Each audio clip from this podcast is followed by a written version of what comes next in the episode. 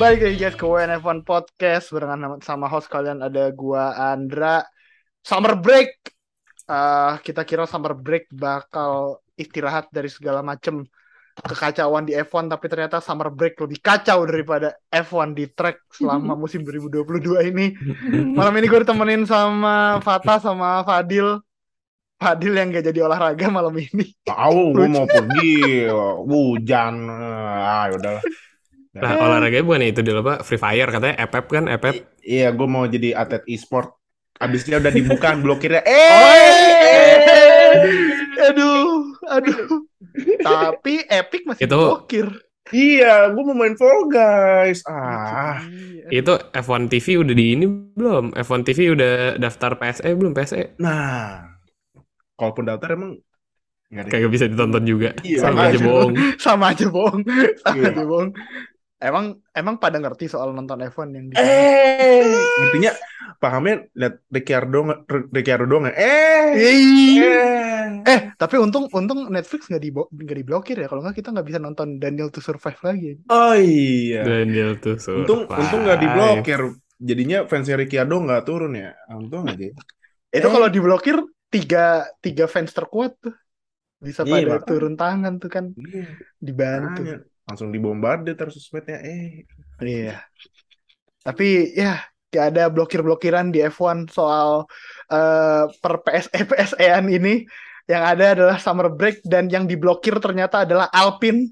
Diblokir sama Oscar Piastri. anjir gua gua ngakak anjir gimana ceritanya itu Ngu- ngumumin tapi tapi anehnya diumumin pembalap yang pindah nggak ada announcement ya ternyata pas diumumin waktu di Australia jam 2 jam 2 malam ya iyalah gimana mau nge-tweet orang lagi tidur Jam 2 pagi. iya Jam 2 pagi. Bangun-bangun. bangun-bangun lihat berita oh ini kurang ajar nih ya Oke, mari kita cek ya statementnya. Jadi kan eh, pas eh, Alpine ngepromot itu si Alpine itu bikin pernyataan kalau Oscar Piastri dipromot, bahasanya dipromosikan ke Hmm. F1 Hmm. eh, untuk menggantikan Fernando Alonso yang eh, pindah ke. Aston Martin. Nanti kita bahas nih, Ka- iya. karena kronologinya sangat-sangat lucu, sangat Eh, iya. bagus. bener Tapi di di pernyataan tersebut kan nggak ada kayak quote-nya dari Oscar Piastri, terus nggak ada quote dari ya minimal manajernya lah Mark Webber kan, nggak ada juga. manajernya Weber serius Iya manajernya Piastri itu Webber. Terus anjir butuh gua terus kata-katanya tuh bukan sign, bukan menandatangani, tapi promoted. nah Jadi kayak terkesan satu arah gitu. Jadi itu yang bikin pas malam itu tuh eh, banyak lah yang curiga. Kita kan ngiranya kan eh, ya pada, paling pada belum bangun tidur lah atau apa gimana. Ternyata nggak lebih dari dua jam kemudian Hmm. I understand without my permission, Iya, without my agreement. eh Without my Alpine. consent ya dia bilangnya. Nggak, without my agreement kalau nggak salah. Nah, nanti Mm-mm. kita baca ya. Apa ini baca, baca. I understand that without my agreement, Alpine F1 have put out a press release late this afternoon that I am driving for them next year. This is wrong and I have not signed a contract for with Alpine for 2023. I will not be driving for Alpine next Iya. year. itu itu tegas sih tegas banget I will not driving for Alpine next gila tuh udah, tegas sih Tapi kalau ternyata kejadian sih lucu sih. nah itu Tuh lu semua pas baca itu apa yang muncul di kepala lu pertama kali ini itu lucu banget soalnya. gua gua, gua ngakak sih sumpah. Ngakak buat lagian ya udah tahu ya apa zaman sekarang kan kalau misalnya ada orang salah kan pasti dikit-dikit post ya Mm. jadi kan menurut gua zaman sekarang kalau mau beritain beritain yang ada pihak kedua atau pihak ketiga izin dulu ya ya kecuali emang emang sosmednya emang tukang cari rating ya kan nah Anjing. ini apa orang gue kan gini ya kemarin nonton di WTF1 ya katanya Alpin ngumumin jam pagi ya pagi waktu Alpin ya tahu deh Alpinnya Waktu di- Australia, waktu Australia.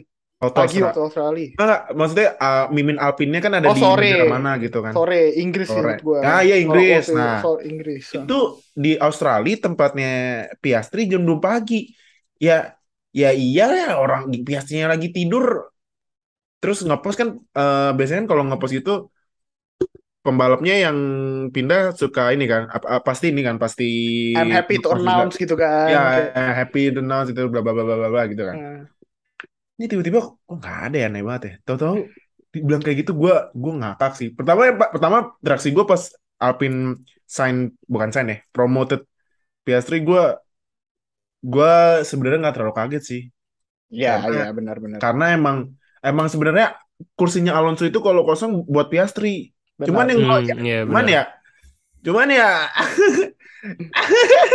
pas Piastri bilang saya ini ngepost gak ada izin sama saya saya nggak mau balapan sama Alpine gue ngakak sumpah. Anjir ini masalahnya wah ini F1 kalau menurut gue ya sama gue ngikutin F1 udah lama ini menurut gue silliest season ever sih menurut gue Iya, paling apa? silly julukannya silly season kan ya break break Iya, sama break ini kan silly. dan Silliest, Iya man. masalahnya masalahnya kita juga ini bukan pas pas musimnya kelar ini pas masih mid season. Iya, lagi mid season. Makanya gimana ceritanya? Tiba-tiba beritanya kayak gitu kan? Si pembalapnya, pembalapnya lagi yang bilang saya tidak mau balapan buat Alpine. Anjir, gua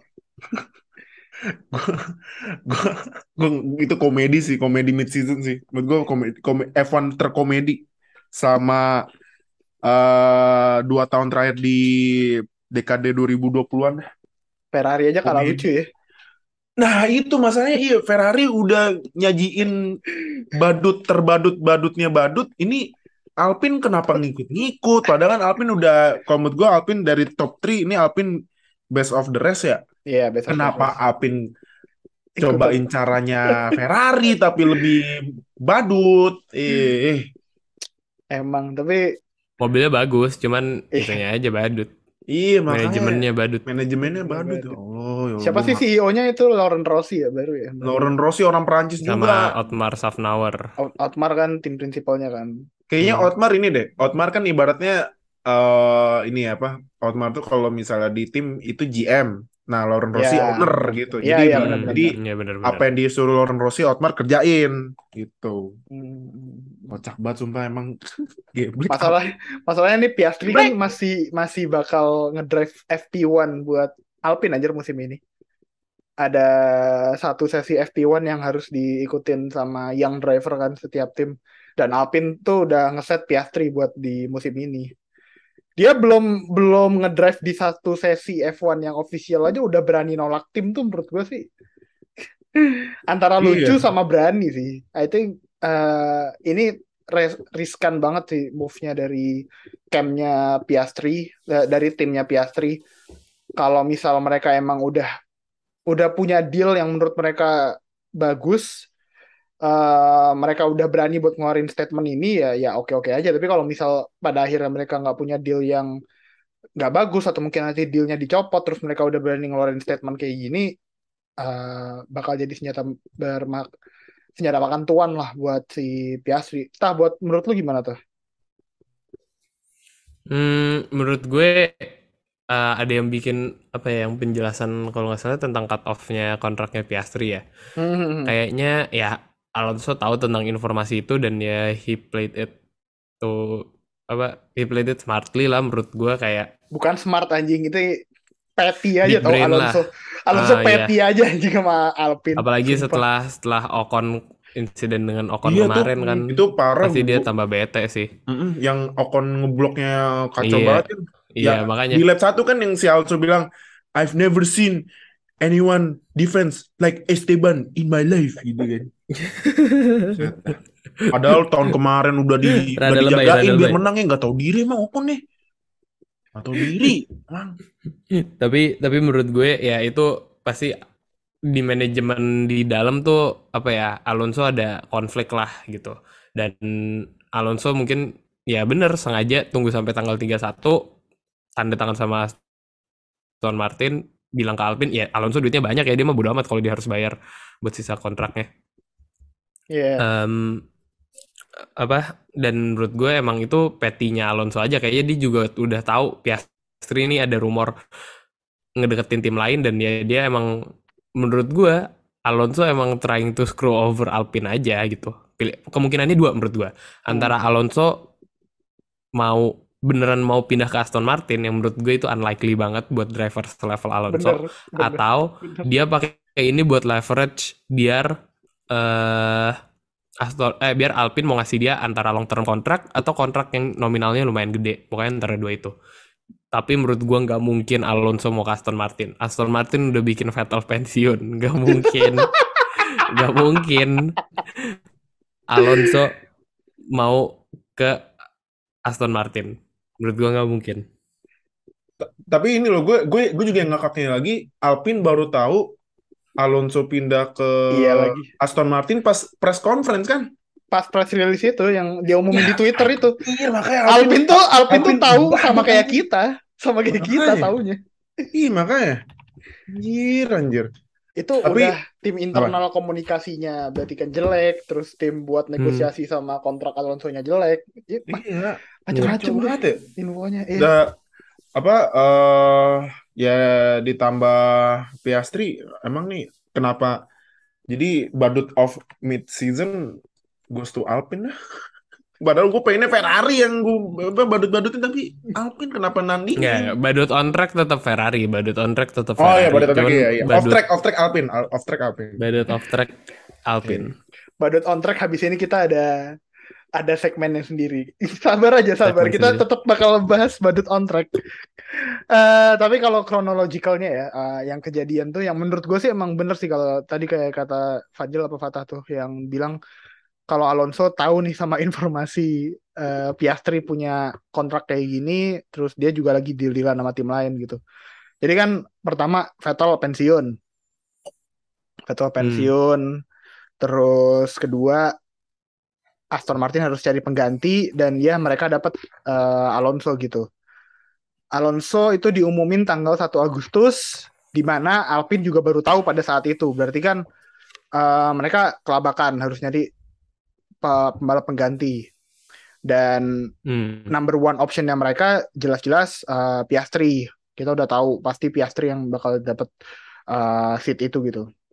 Kemudian ya the whole fiasco tadi yang Alpine ngumumin Piastri sama Piastri nggak jadi eh, nge-reject offernya apa nge-reject tweetnya Alpine gitu. Karena si Piastri itu punya kon klausul di kontraknya kalau sampai tanggal 31 Juli 2022 Alpine nggak ngasih seat F1 ke Piastri, eh, Piastri itu boleh deal sama tim lain. Yap. Jadi sebelum kontrak itu habis ya pasti udah ada omongan-omongan lah Piastri sama tim-tim lain. Salah satu yang paling kenceng tuh McLaren kan katanya eh mau nge-hire Piastri. Jadi ya jadilah si Alpine ini merasa mereka masih punya kuasa kontrak atas Piastri, tapi Piastri juga ngerasa kalau klausul yang setelah tanggal 31 Juli itu udah aktif, jadinya dia bisa bikin deal-dealan sama tim lain. Dan semua ini emang bener karena Dan- Alonso. dan bahkan Bener karena Alonso. Iya. Alonso pasti tahu itu Iya, Al-. Piastri tanggal 31 Juli. Kalau nggak dia pasti dari sebelum itu udah Iya sih. udah nggak announce. Cuman cuman yang Iya. gue bingung kenapa Aston Martin ya? Apa Nanti kalau kalau gue sih kalau gue sih teori nanti konspirasinya udah itu ini sih L plan L plan. L plan biasa L plan L plan ya iya iya. bahkan bahkan bahkan Dra, setahu Hmm. gue Piastri itu dirumorkan udah ada verbal agreement sama McLaren Iya, verbal agreement. Ah. Itu kalau di olahraga-olahraga lain ya udah udah inilah. Udah biasa lah ada lah verbal Iya, agreement verbal ya. sebelum sebelum kontraknya habis kan atau kalau Nah. pas mau pindah. Tapi bentar. Piastri ke McLaren yang pergi siapa tuh? Siapa lagi, Bos? Siapa lagi lah? Idola penonton Netflix lah. Driver ke mana Australia. ya Aduh. Oh iya Australia diganti sama Australia kalau bisa ya. Iya. Itu aduh tapi kasihan sih. Tapi enggak sih sebenarnya. Tapi Enggak sih, ya, enggak iya, sih, gimana? enggak Mau kasihan kan. juga hasilnya di jauh mulu di sama Norris. Masalahnya dia dia udah pede gitu kan bikin Instagram story Iya, kalau dia iya. komit komit sama Ma- sama McLaren gitu kan. Bener yang kita McLaren, dia bilang. komit nggak sama dia Enggak, bener yang kita bilang. McLarennya McLaren F1 atau McLaren FE apa McLaren Ah. Extreme E, Ah, itu Apa apa, Mac- McLaren IndyCar? McLaren e-sport sih kan. Ah. Emang McLaren kan udah ngelebarin saya banyak nih. Atau Nah. McLaren showroom mungkin McLaren Nah, showroom. McLaren jadi showroom. sales ya, iya anjing. sales mobil. Aduh. Eh apa aja tadi yang anjing? Ya, Piastri jadinya kayak gitu. Terus kalau si Alonso itu Alonso itu akhirnya dia nggak mau eh, ke Alpine karena Alpine tuh cuma nawarin kontrak satu tahun plus opsi. Jadi si opsinya itu ya bisa diaktifin sama Alpine kalau misal performance Alonso bagus eh, di 2023. Terus Tim option ya, tim option. Iya, tim option. Terus gaji yang ditawarin itu lebih rendah dan lebih rendah juga dari Ocon. Jadi lu lu bayangin ya, Hmm, lu lu datang middle ke finger banget gak lu sih? lagi di lu lagi di kantor nih. Lu lu datang eh, ke HRD lu buat ngobrol Fadil macam-macam Fadil lah. kan udah kantor tuh Ya, Fadil, Fadil ya. nih, Fadil nih, Fadil ngobrol ya. sama HRD kontrol kon- kantornya gitu. Lanjut, lanjut, lanjut, lanjut, lanjut, lanjut, lanjut. Fadil Lanjut, ngomong sama HRD kantornya gitu kan, buat Hmm. eh, mau negosiasi eh, kontrak sama gaji gitu. Hmm. Jadi kantornya nge-offer, ya kamu bakal dikontrak cuman setahun, terus gajinya turun ya. Lu lu jadi Fadil apa enggak? Apa nggak malas anjir ketika lu dapet? Buset. Gua aja yang gue jadi gue diri sendiri langsung ang, dalam hati anjing. Padahal padahal performanya bagusan bagusan Fadil gitu loh daripada Iya, temen-temennya. Iya, padahal Fadil udah pernah jadi employee of the year gitu loh, dua kali gitu kan. Eh performance selalu bagus di umur yang emang eh, udah nggak muda, tapi eh tetap di peak performance gitu loh. Eh, Iya iya.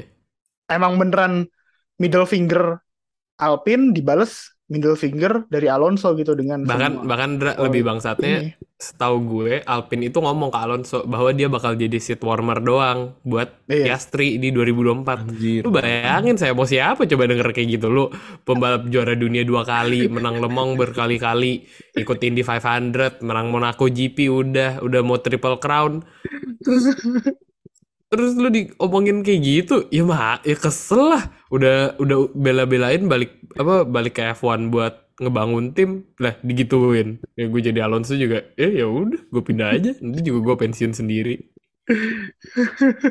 Dan pindahnya gitu lagi kan. Maksudnya bukan pindah yang biasa-biasa aja, pindahnya efeknya banyak gitu loh. Pinter sih Alpine, eh Alonso juga nge-handle eh, pindahnya gitu loh. Nggak yang bikin banyak-banyak eh huru-hara, tapi pas dia diumumin pindah, banyak juga yang kelabakan gitu loh di sisinya Alpine.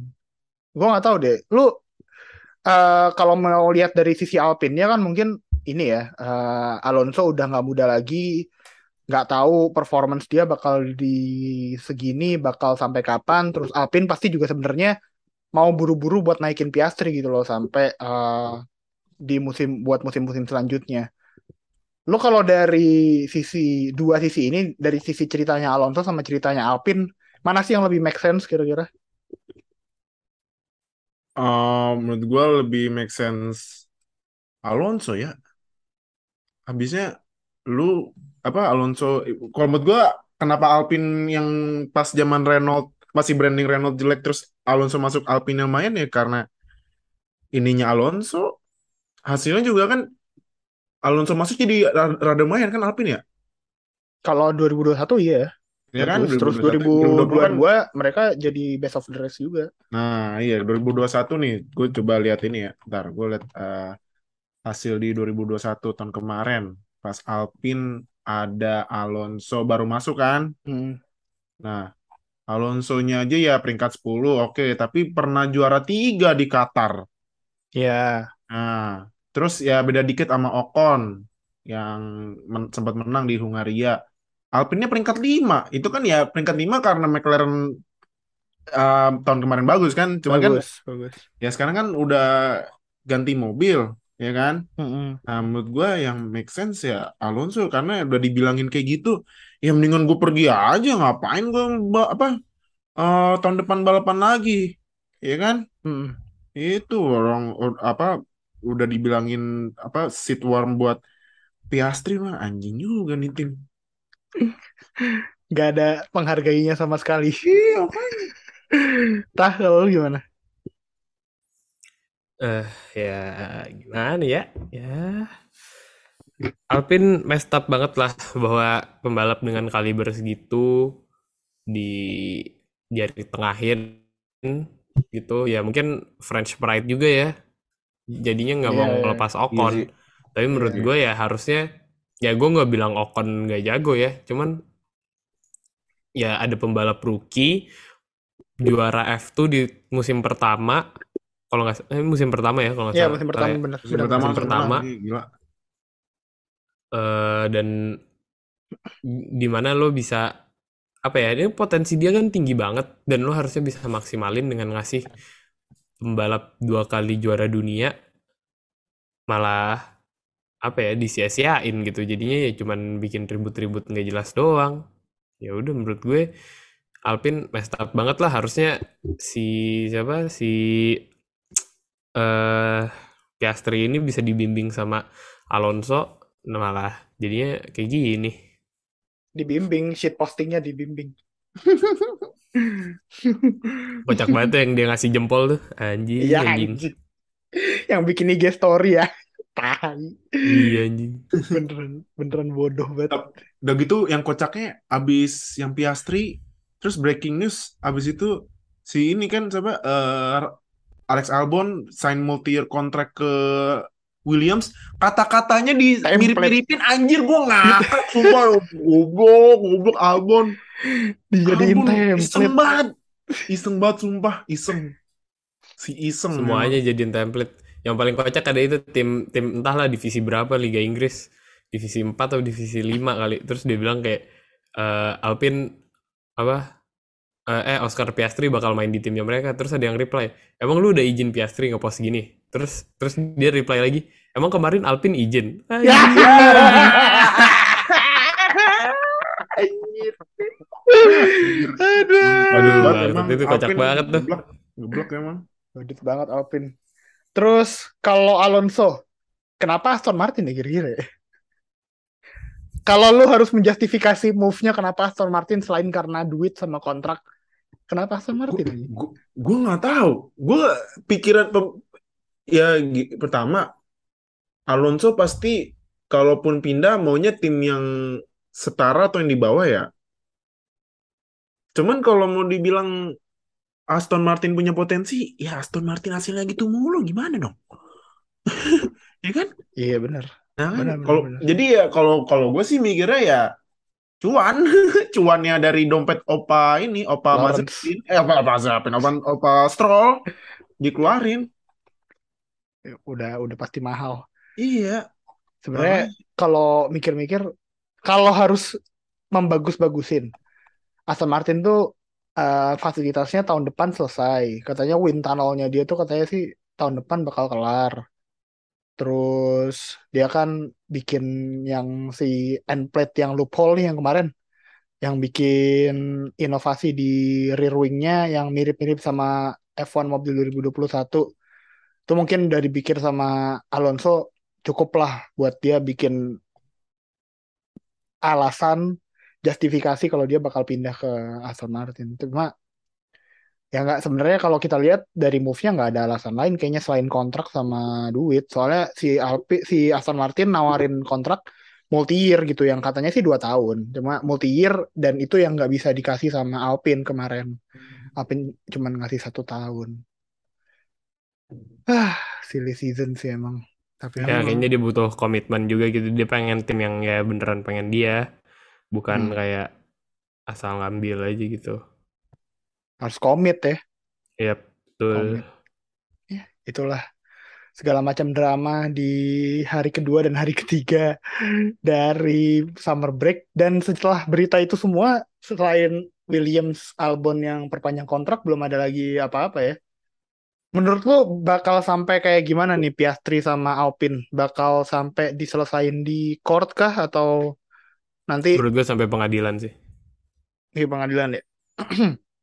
Atau enggak ya diselesaikan secara kekeluargaan dulu. Keluarga. Musyawarah mufakat nih. Tai.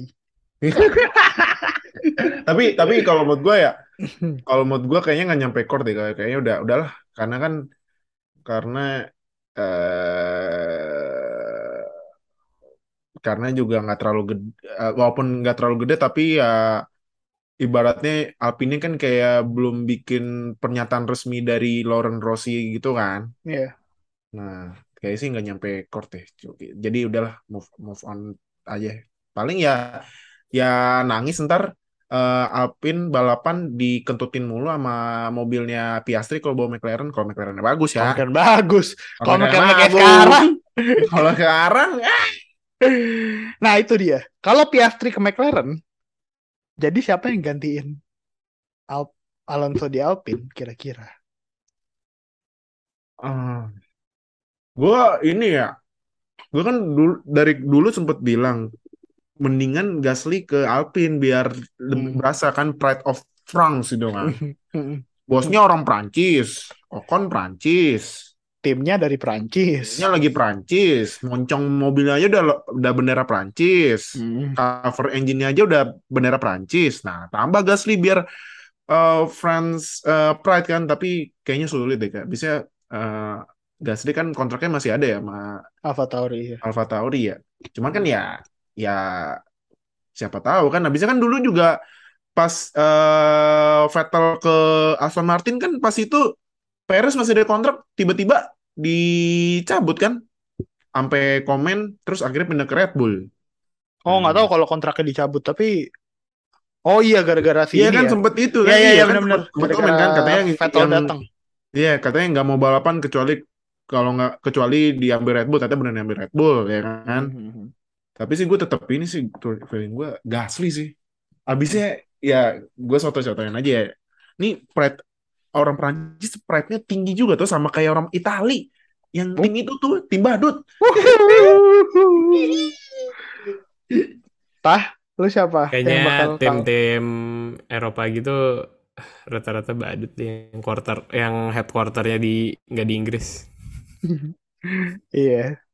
Eh, Alf Kenapa Ini- tadi? Sorry, kenapa? Aston Martin di Inggris loh. Tapi tapi nggak badut-badut banget ya. Tapi nggak Cuman- badut, ya, cuman kayak mau- jelek-jelek aja gitu. Cuman loh, jelek aja mobilnya. Heeh, maksud gue ada ada bedanya kayak jelek sama badut gitu. Badut tuh kayak lu dikasih kesempatan terus lu sia-siain gitu. Hmm, iya benar benar Badut. benar benar. Benar. Atas kesalahan lu sendiri. Gue bukan bilang bukan salah Aston Martin mobilnya jelek gitu ya. Ya salah mereka. Cuman maksud gue ya emang mereka dapetnya mobil jelek gitu loh. Kalau udah dikasih kesempatan terus lu botol, nah itu baru badut menurut gue ya. Enak banget ngomongin badut nih dari tadi. Nah, kalau lu siapa yang bakal Kan gantiin lagi hari Alonso? badut nasional nih. Eh, hari badut seminggu kan, hari badut nasional. Yang gantiin Ini ini Alonso misalnya siapa? Piastri beneran gak ini ya?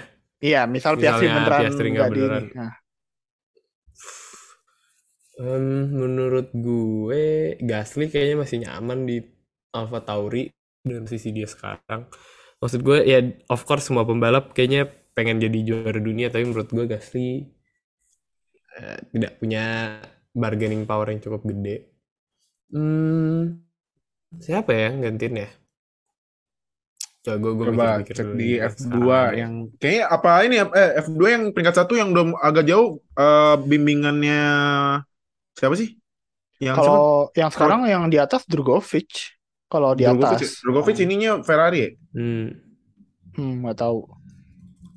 Ya? Tapi kalau kata gue ya, yang gantiin dulu. Al, Al- apa yang gantiin Alonso, Ricciardo sih balik lagi. ke Alpine. gue males sih not gonna lie ya kalau tim apa ya lompat lompat pagar gitu apa kutu lompat kutu lompat gitu males gue Tapi kan dia nggak ada seat, benar. Kalau misal Piastri ke McLaren kan, ya otomatis yang available Ricciardo dan Alpine Iya sih. dengan Alpine dengan kondisinya yang kayak mereka panik-panikan terus eh, nggak punya driver buat pengganti Alonso sampai sekarang, gua rasa mereka at the end of the day bakal nyari best available-nya aja sih. Siapa yang lagi Hmm. available aja sebenarnya. Theo Porsche kayaknya nggak mungkin ya kecuali Nggak, dibeli kejauhan. dari Alfa Romeo eh For sure kejauhan masih. eh Sauber Academy sorry sorry tapi em, ya menurut gue gue nggak tahu sih siapa tapi ya paling likely menurut gue Ricciardo nggak mungkin ada tim lain yang mau eh sorry pembalap lain yang nggak dari F2 pengen Coba deh. Anjing, gue kira lo mau bilang nggak mungkin ada tim lain yang mau Ricciardo. Jahat banget bang dah. Ah, Lo gak sejati itu kali. ketahuan ah tapi iya sih. Ini yang lucu nih kemarin ini Marcus Marcus itu, itu off the record aja gue ngomongnya. nggak mau nggak mau bakal gue masukin. kemarin eh, Anjing. Marcus Marcus Erickson nge-tweet nih di Oh iya, eh, Rickson gue baca Twitter tuh. Iya, jadi setelah Alonso middle finger to Alpine switch, ini kata dia prediksinya F1 silly season bakal kejadian. Alpine, Ocon Gasly, Alfa Tauri, Schumacher sama Sunoda, McLaren, Norris sama Piastri, Alfa Romeo nggak ada yang berubah, Bottas sama Cho, Haas, Magnussen sama Ricciardo, Dia bikin, Williams, dia bikin prediksi sendiri ya? ya, ya dia bikin pre- prediksi sendiri. Williams tuh Albon sama The Vries. Jadi di tweet ini yang udah kejadian Albon di Williams sama Piastri 80% lah. Piastri 80% bakal bakal ke McLaren. Sisanya nih kalau kejadian lucu sih menurut gue. Ricciardo tiba-tiba ke Haas terus eh Schumacher. Schumacher tuh katanya tuh kontrak eh, kontrak Ferrari Driver Academy-nya katanya mau Iya. habis. Mau habis ya. Jadi bisa aja diambil sama Alfa Tauri juga kalau kalau kalau gitu. Jadi who knows? Uh, summer break masih panjang, uh, musim 2022 juga masih panjang. Kebadutan ini gua rasa nggak bakal selesai dalam waktu satu hari ataupun dalam waktu tiga minggu aja. Kayaknya bakal lama ini.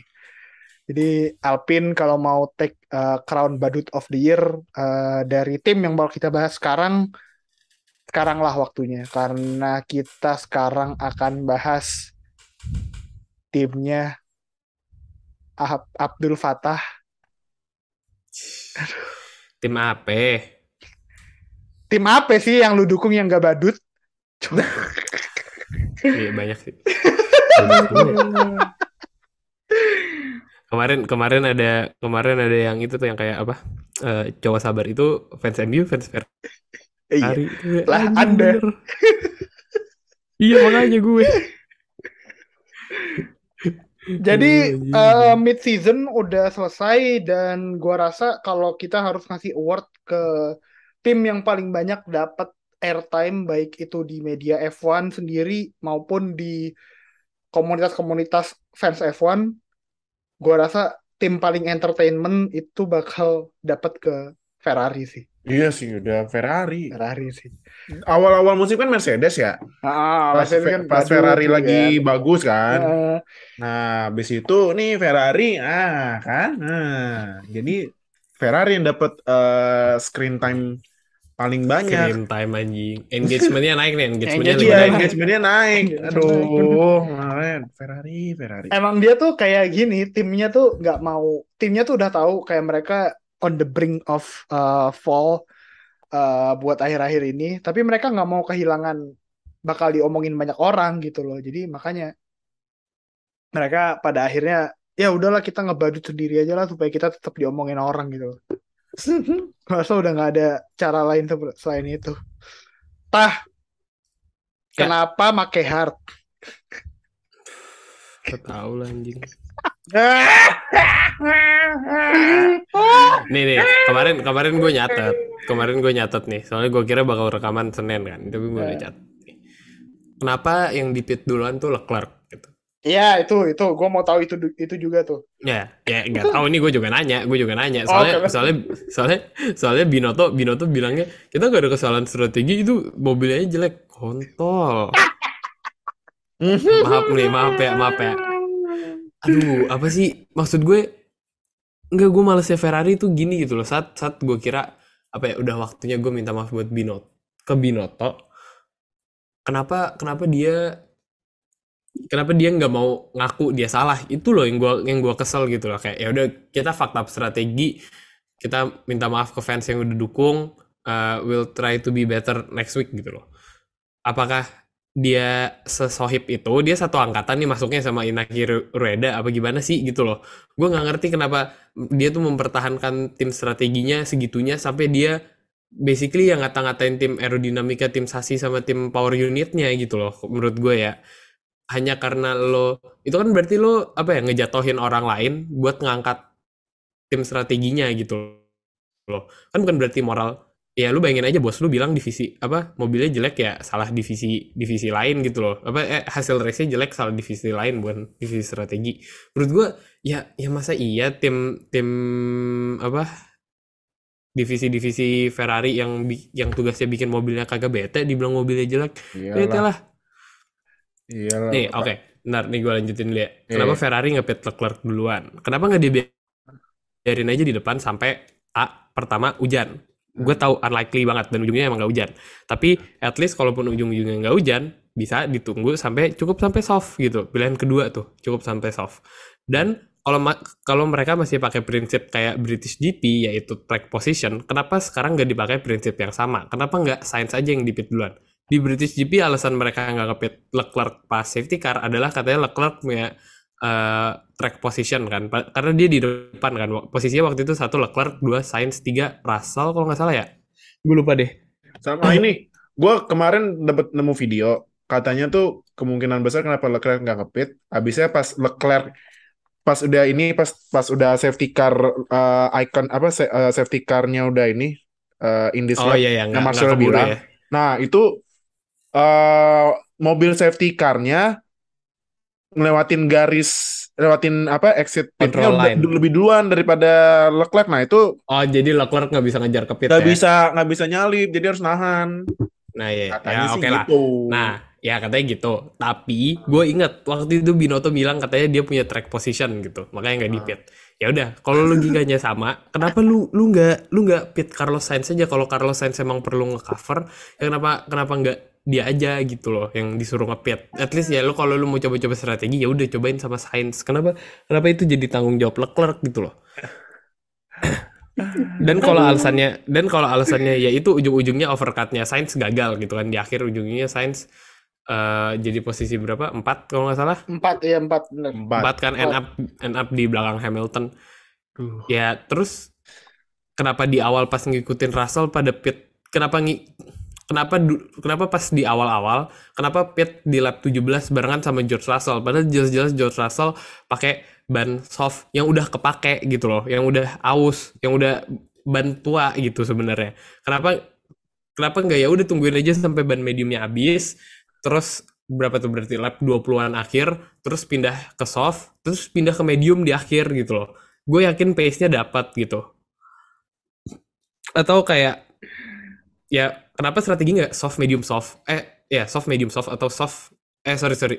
Medium soft medium.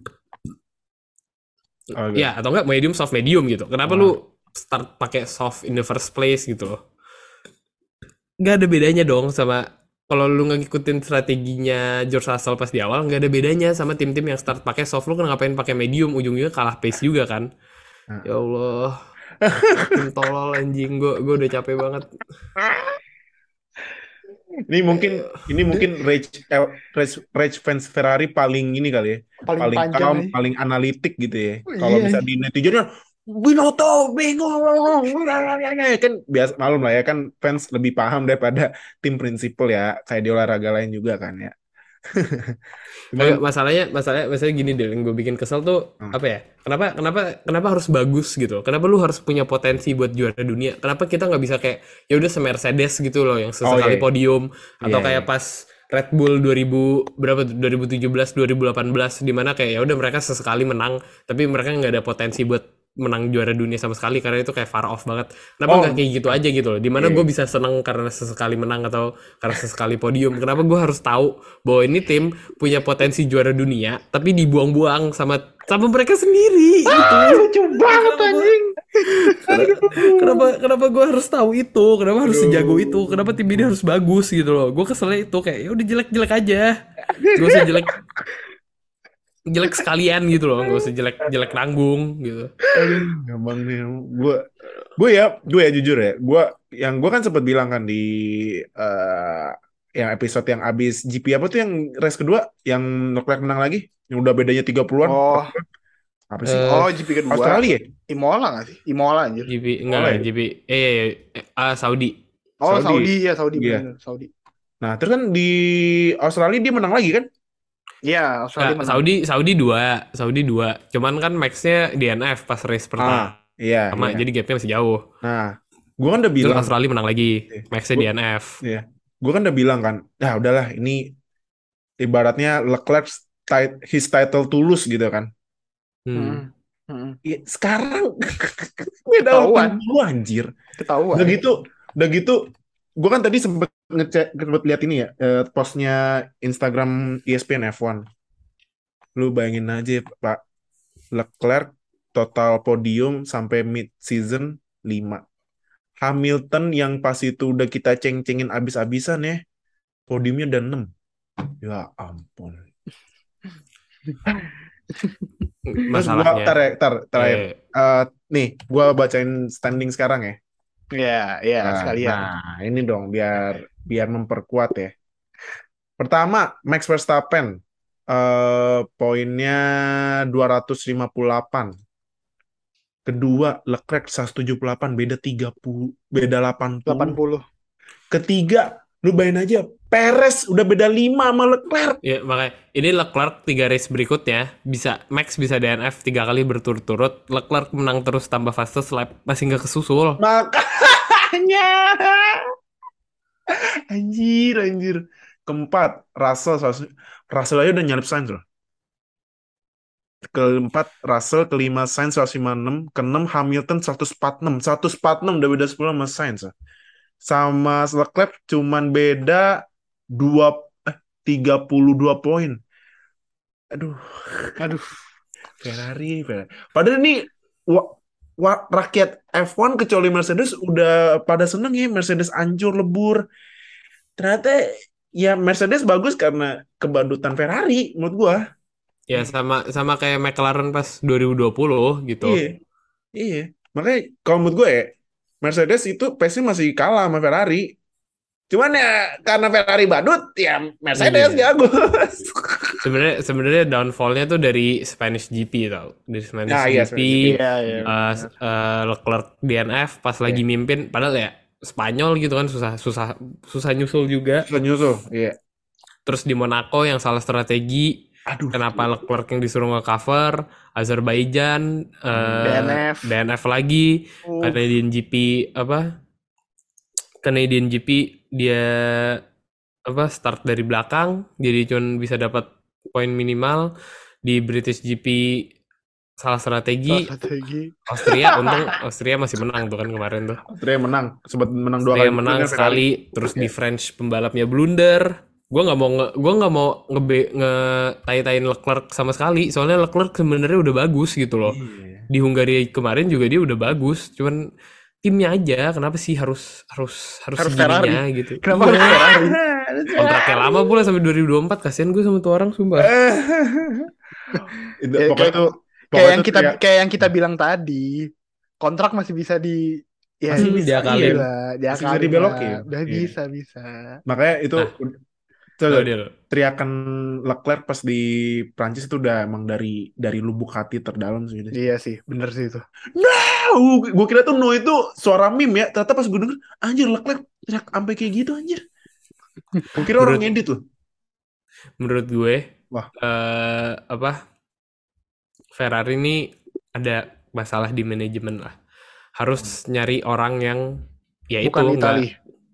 Itu pertama. ya, bukan bukan masalah Italinya sih Dra, menurut gue tapi menurut gue harus orang yang nggak homegrown di dalam Ferrari gitu. Oh, masalahnya Binotto sama Inaki Rueda nih udah lama kayaknya di Ferrari. Jadinya dia kayak saling nge-backup gitu loh. Dia nggak mau nyalahin. Sedangkan kalau kita lihat kayak zamannya ya eh, Jean Todt atau Ross Arifa Brown. Bene. Arifa Bene malah Ini. Iya. Arifa Bene waktu itu sempat ditanya kan kayak "Eh, menurut lo ini kesalahan Vettel nggak? Kalian nggak jadi juara? Terus dia bilang ya ya enggak kita kita satu tim gitu loh. Eh, kalau kita kalah ya kalah bareng-bareng gitu. Makanya menurut gue harus nyari orang yang apa ya berani nge-point out saat ada kesalahan gitu loh. Kayaknya masalahnya di Binotto adalah itu gitu loh. Dia nggak bukan bukan nggak berani mungkin tapi lebih ke nggak enak aja gitu. Karena mungkin kayaknya dia udah udah temenan lama nih sama si Inaki Rueda yang kepala strateginya Ferrari. Jadi menurut gue Ferrari ya harus ya kalau pengen beneran juara lagi cari manajer yang bisa Luar ya. eh, bisa dari luar gitu loh, yang bisa nge-point out saat emang ada kesalahan gitu. Ya misalnya Jean Todt atau Arif, Arif Abene juga setahu gue nggak secara langsung di Ferrari tapi kan ada di keluarga Iya, Phil Ya, Morris Fiat ya. Morris, Fiat Morris. Morris, bener. Yang punya yang punya Juventus juga kan. Jadi menurut Iya. gue ya harus cari a real management guy gitu loh, bukan bukan apa ya? Bukan engineer gitu, nggak bisa pakai engineer kayaknya nih. Udah gue di awal musim udah minta maaf ke Matteo Binotto, tiba-tiba sekarang gini lagi anjing, anjing. Kocak sih emang Ferrari. Katanya di Ferrari. summer break nggak bakal ada perubahan. Ya ampun, ya ampun. Kayaknya gue sempet share dah fotonya. Eh, ya, apaan, apaan sih maksudnya? Nggak ada perubahan? Binoto kan ditanya kan, eh, Hmm. bakal ada apa nih selama summer break? Terus dia bilang eh, nggak bakal ada yang berubah gitu loh dari manajemen Ya dia segala macem. ampun. Bebel, emang bebel. Mending lu nggak usah dengerin sih tah. Kesel lu pasti kesel. pasti lu kesel soalnya. Aduh, Ferrari. Di ini apa langsung demam panggung ya udah dapat kesempatan akhirnya bisa bisa apa bisa juara dunia sejak Kimi Raikkonen. Itu juga udah yang pas juara dunia Kimi Raikkonen juga itu nanggung-nanggung gitu kan. Iya, Zaman Raikkonen untung terakhir. Terakhir untung iya. finishnya depan. Eh, sama, Hmm. apa Alonso sama Hamiltonnya nggak ini. Nggak nggak nggak nggak nggak lebih ngebut. Itu apa? Terus abis itu ini deh musim depannya masa juara. Tahu-tahu is that Glock? Emang udah emang udah sulit sih Ferrari. uh Ferrari Dan sekarang nih ya, eh, kemarin tuh pas ja- pas habis French GP yang masih jaraknya masih 63 poin antara Verstappen sama Leclerc, itu tuh ada yang bikin hitung-hitungan. Kalau misal Max juara 2 tapi plus fastest lap di sisa balapan sampai akhir musim dan Leclerc menang terus eh, sampai akhir musim, itu yang juara bakal tetap Max. Jadi emang udah Eh, udah ya ibaratnya buat musim ini kayaknya kita bakal ngelihat eh, Max dijadiin juara dunia sebelum seasonnya berakhir sih iya menurut gue sih bisa aja Max juara dunia sisa sisa tiga 4 sampai 5 race menurut gue bisa man ya 4 kalau sampai Ferra 5 race. kalau Ferrari-nya gini terus iya bisa Iya. bener, bener. kalau Ferrari yang gini terus Mercedes juga tapi kejauhan tapi kalau misalnya Mercedes Mercedes juga kejauhan buat ngejar kan Iya makanya menurut gua 4, sam- 4 sampai 5 race sebelum season selesai sih Max juara. Hmm. Aduh, kocak banget emang. ya udahlah Eh, buat fans Ferrari harap bersabar dan fokus buat tahun depan karena next year is your year ya kan Tiap tahun. tiap tahun pasti Aduh. Pasti tahun ngomong positif. gitu. Kalian bakal ngelihat lokal eh, marah-marah lagi di tim radio mungkin beberapa tahun lagi sampai 2024 dan Aduh. itu dinikmati saja. Oh iya, iya benar nih. Ini kan ada tuh dua, tiga, empat, lima, enam, tujuh, delapan, sembilan, sepuluh. Ini kalau Leclerc menang 10 race berikutnya dan fastest lap dan Max kalah apa P2 semua poinnya masih seri anjing. Ah, berapa berapa race? Berapa race? Berapa race? 10. Sisa 10 race kan. 10 race.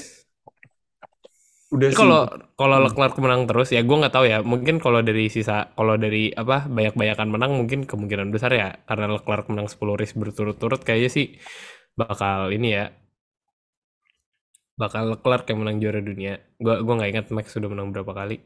Tapi kalau ya pokoknya masih seri gitu loh secara poin ya. Mungkin secara race win beda tapi secara poin ya masih ujung-ujungnya nanti seri gitu. Beda 80 kan? Iya, anjir. Ya Allah. badut badut. Aduh, Sepertinya sepertinya bakal kita sudahi episode kali ini karena Iya. gue udah dapat semua bahan karena memang mengajak Fatah pada malam hari ini nih emang buat dengerin dia nge-rage. Dan goks gue gue selama dari tadi mikir anjing ini kayaknya satu orang terpanjang ngomong di WNF1 dan marah-marah sih anjing. Banyak banget. Jadi kayak ya ya udah eh, kita udah resmi masuk ke mid season kemungkinan minggu depan kita bakal ada eh, podcast lagi kita bakal ngebahas soal ranking dari tim-tim dan juga driver eh, selama mid season ini. Jadi ditunggu aja antara podcast atau nanti eh, IG post lah. IG atau Twitter post nanti bakal kita kabarin. Terus selama dua hari terakhir ini nggak ada berita apa-apa dari Alpin maupun Oscar Piastri. Jadi gue agak gue agak kesel kayak kenapa kemarin beritanya udah banyak terus sekarang berhenti tiba-tiba gitu. Nggak ada apa-apa. Jadi kita tunggu aja semoga sebelum minggu depan ada breaking news lain mungkin Piastri ke McLaren atau mungkin siapa eh Piastri bakal balik lagi ke Alpine dengan oh ke- tadi lupa gue tadi baca katanya tuh ada ada ada wacana kalau Piastri tuh justru deal ke McLaren tapi jadi reserve driver anjing. Ngap. Hmm, ngapain? Dia bakal Ngapain? nunggu sampai Ricciardo cabut di katanya sih sampai 2024 gitu. Ya ilah. Katanya jadi si Piastri itu baru bisa di F1 2024 katanya sih deal-dealannya gitu. Kalau buat gue kalau kayak gitu ngapain anjing? Iyalah, apa skillnya udah bagus dah ini ngapain jadi reserve driver lagi? Udah juaranya pas rookie season kan? Hmm. Makanya kalau mendingan dia balik Gila. mendingan dia balik ke Alpine udah jaminan dapat uh, seat di F1 kalau kayak gitu kan. Iyalah. Ini mah lama-lama Piastri kayak De Vries juga nih udah udah worn out ke Formula E nih.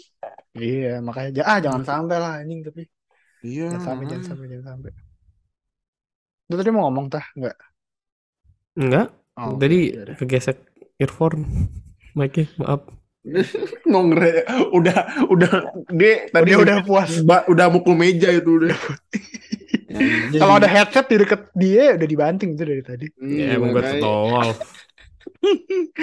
Ya udah, uh, jangan lupa buat follow semua sosial medianya WNF1 ada di Twitter sama Instagram sama TikTok at WNF1 official. Terus join ke Discordnya kita, ada linknya di pin tweet paling atas. Thank you buat Fadil sama Fatah uh, buat nemenin di podcast singkat malam hari ini. Next week semoga kita ada lagi uh, ba- bakal bahas segala macam soal mid season. Terima kasih juga buat semua yang udah dengerin and we'll see you guys in our next episode. Bye guys.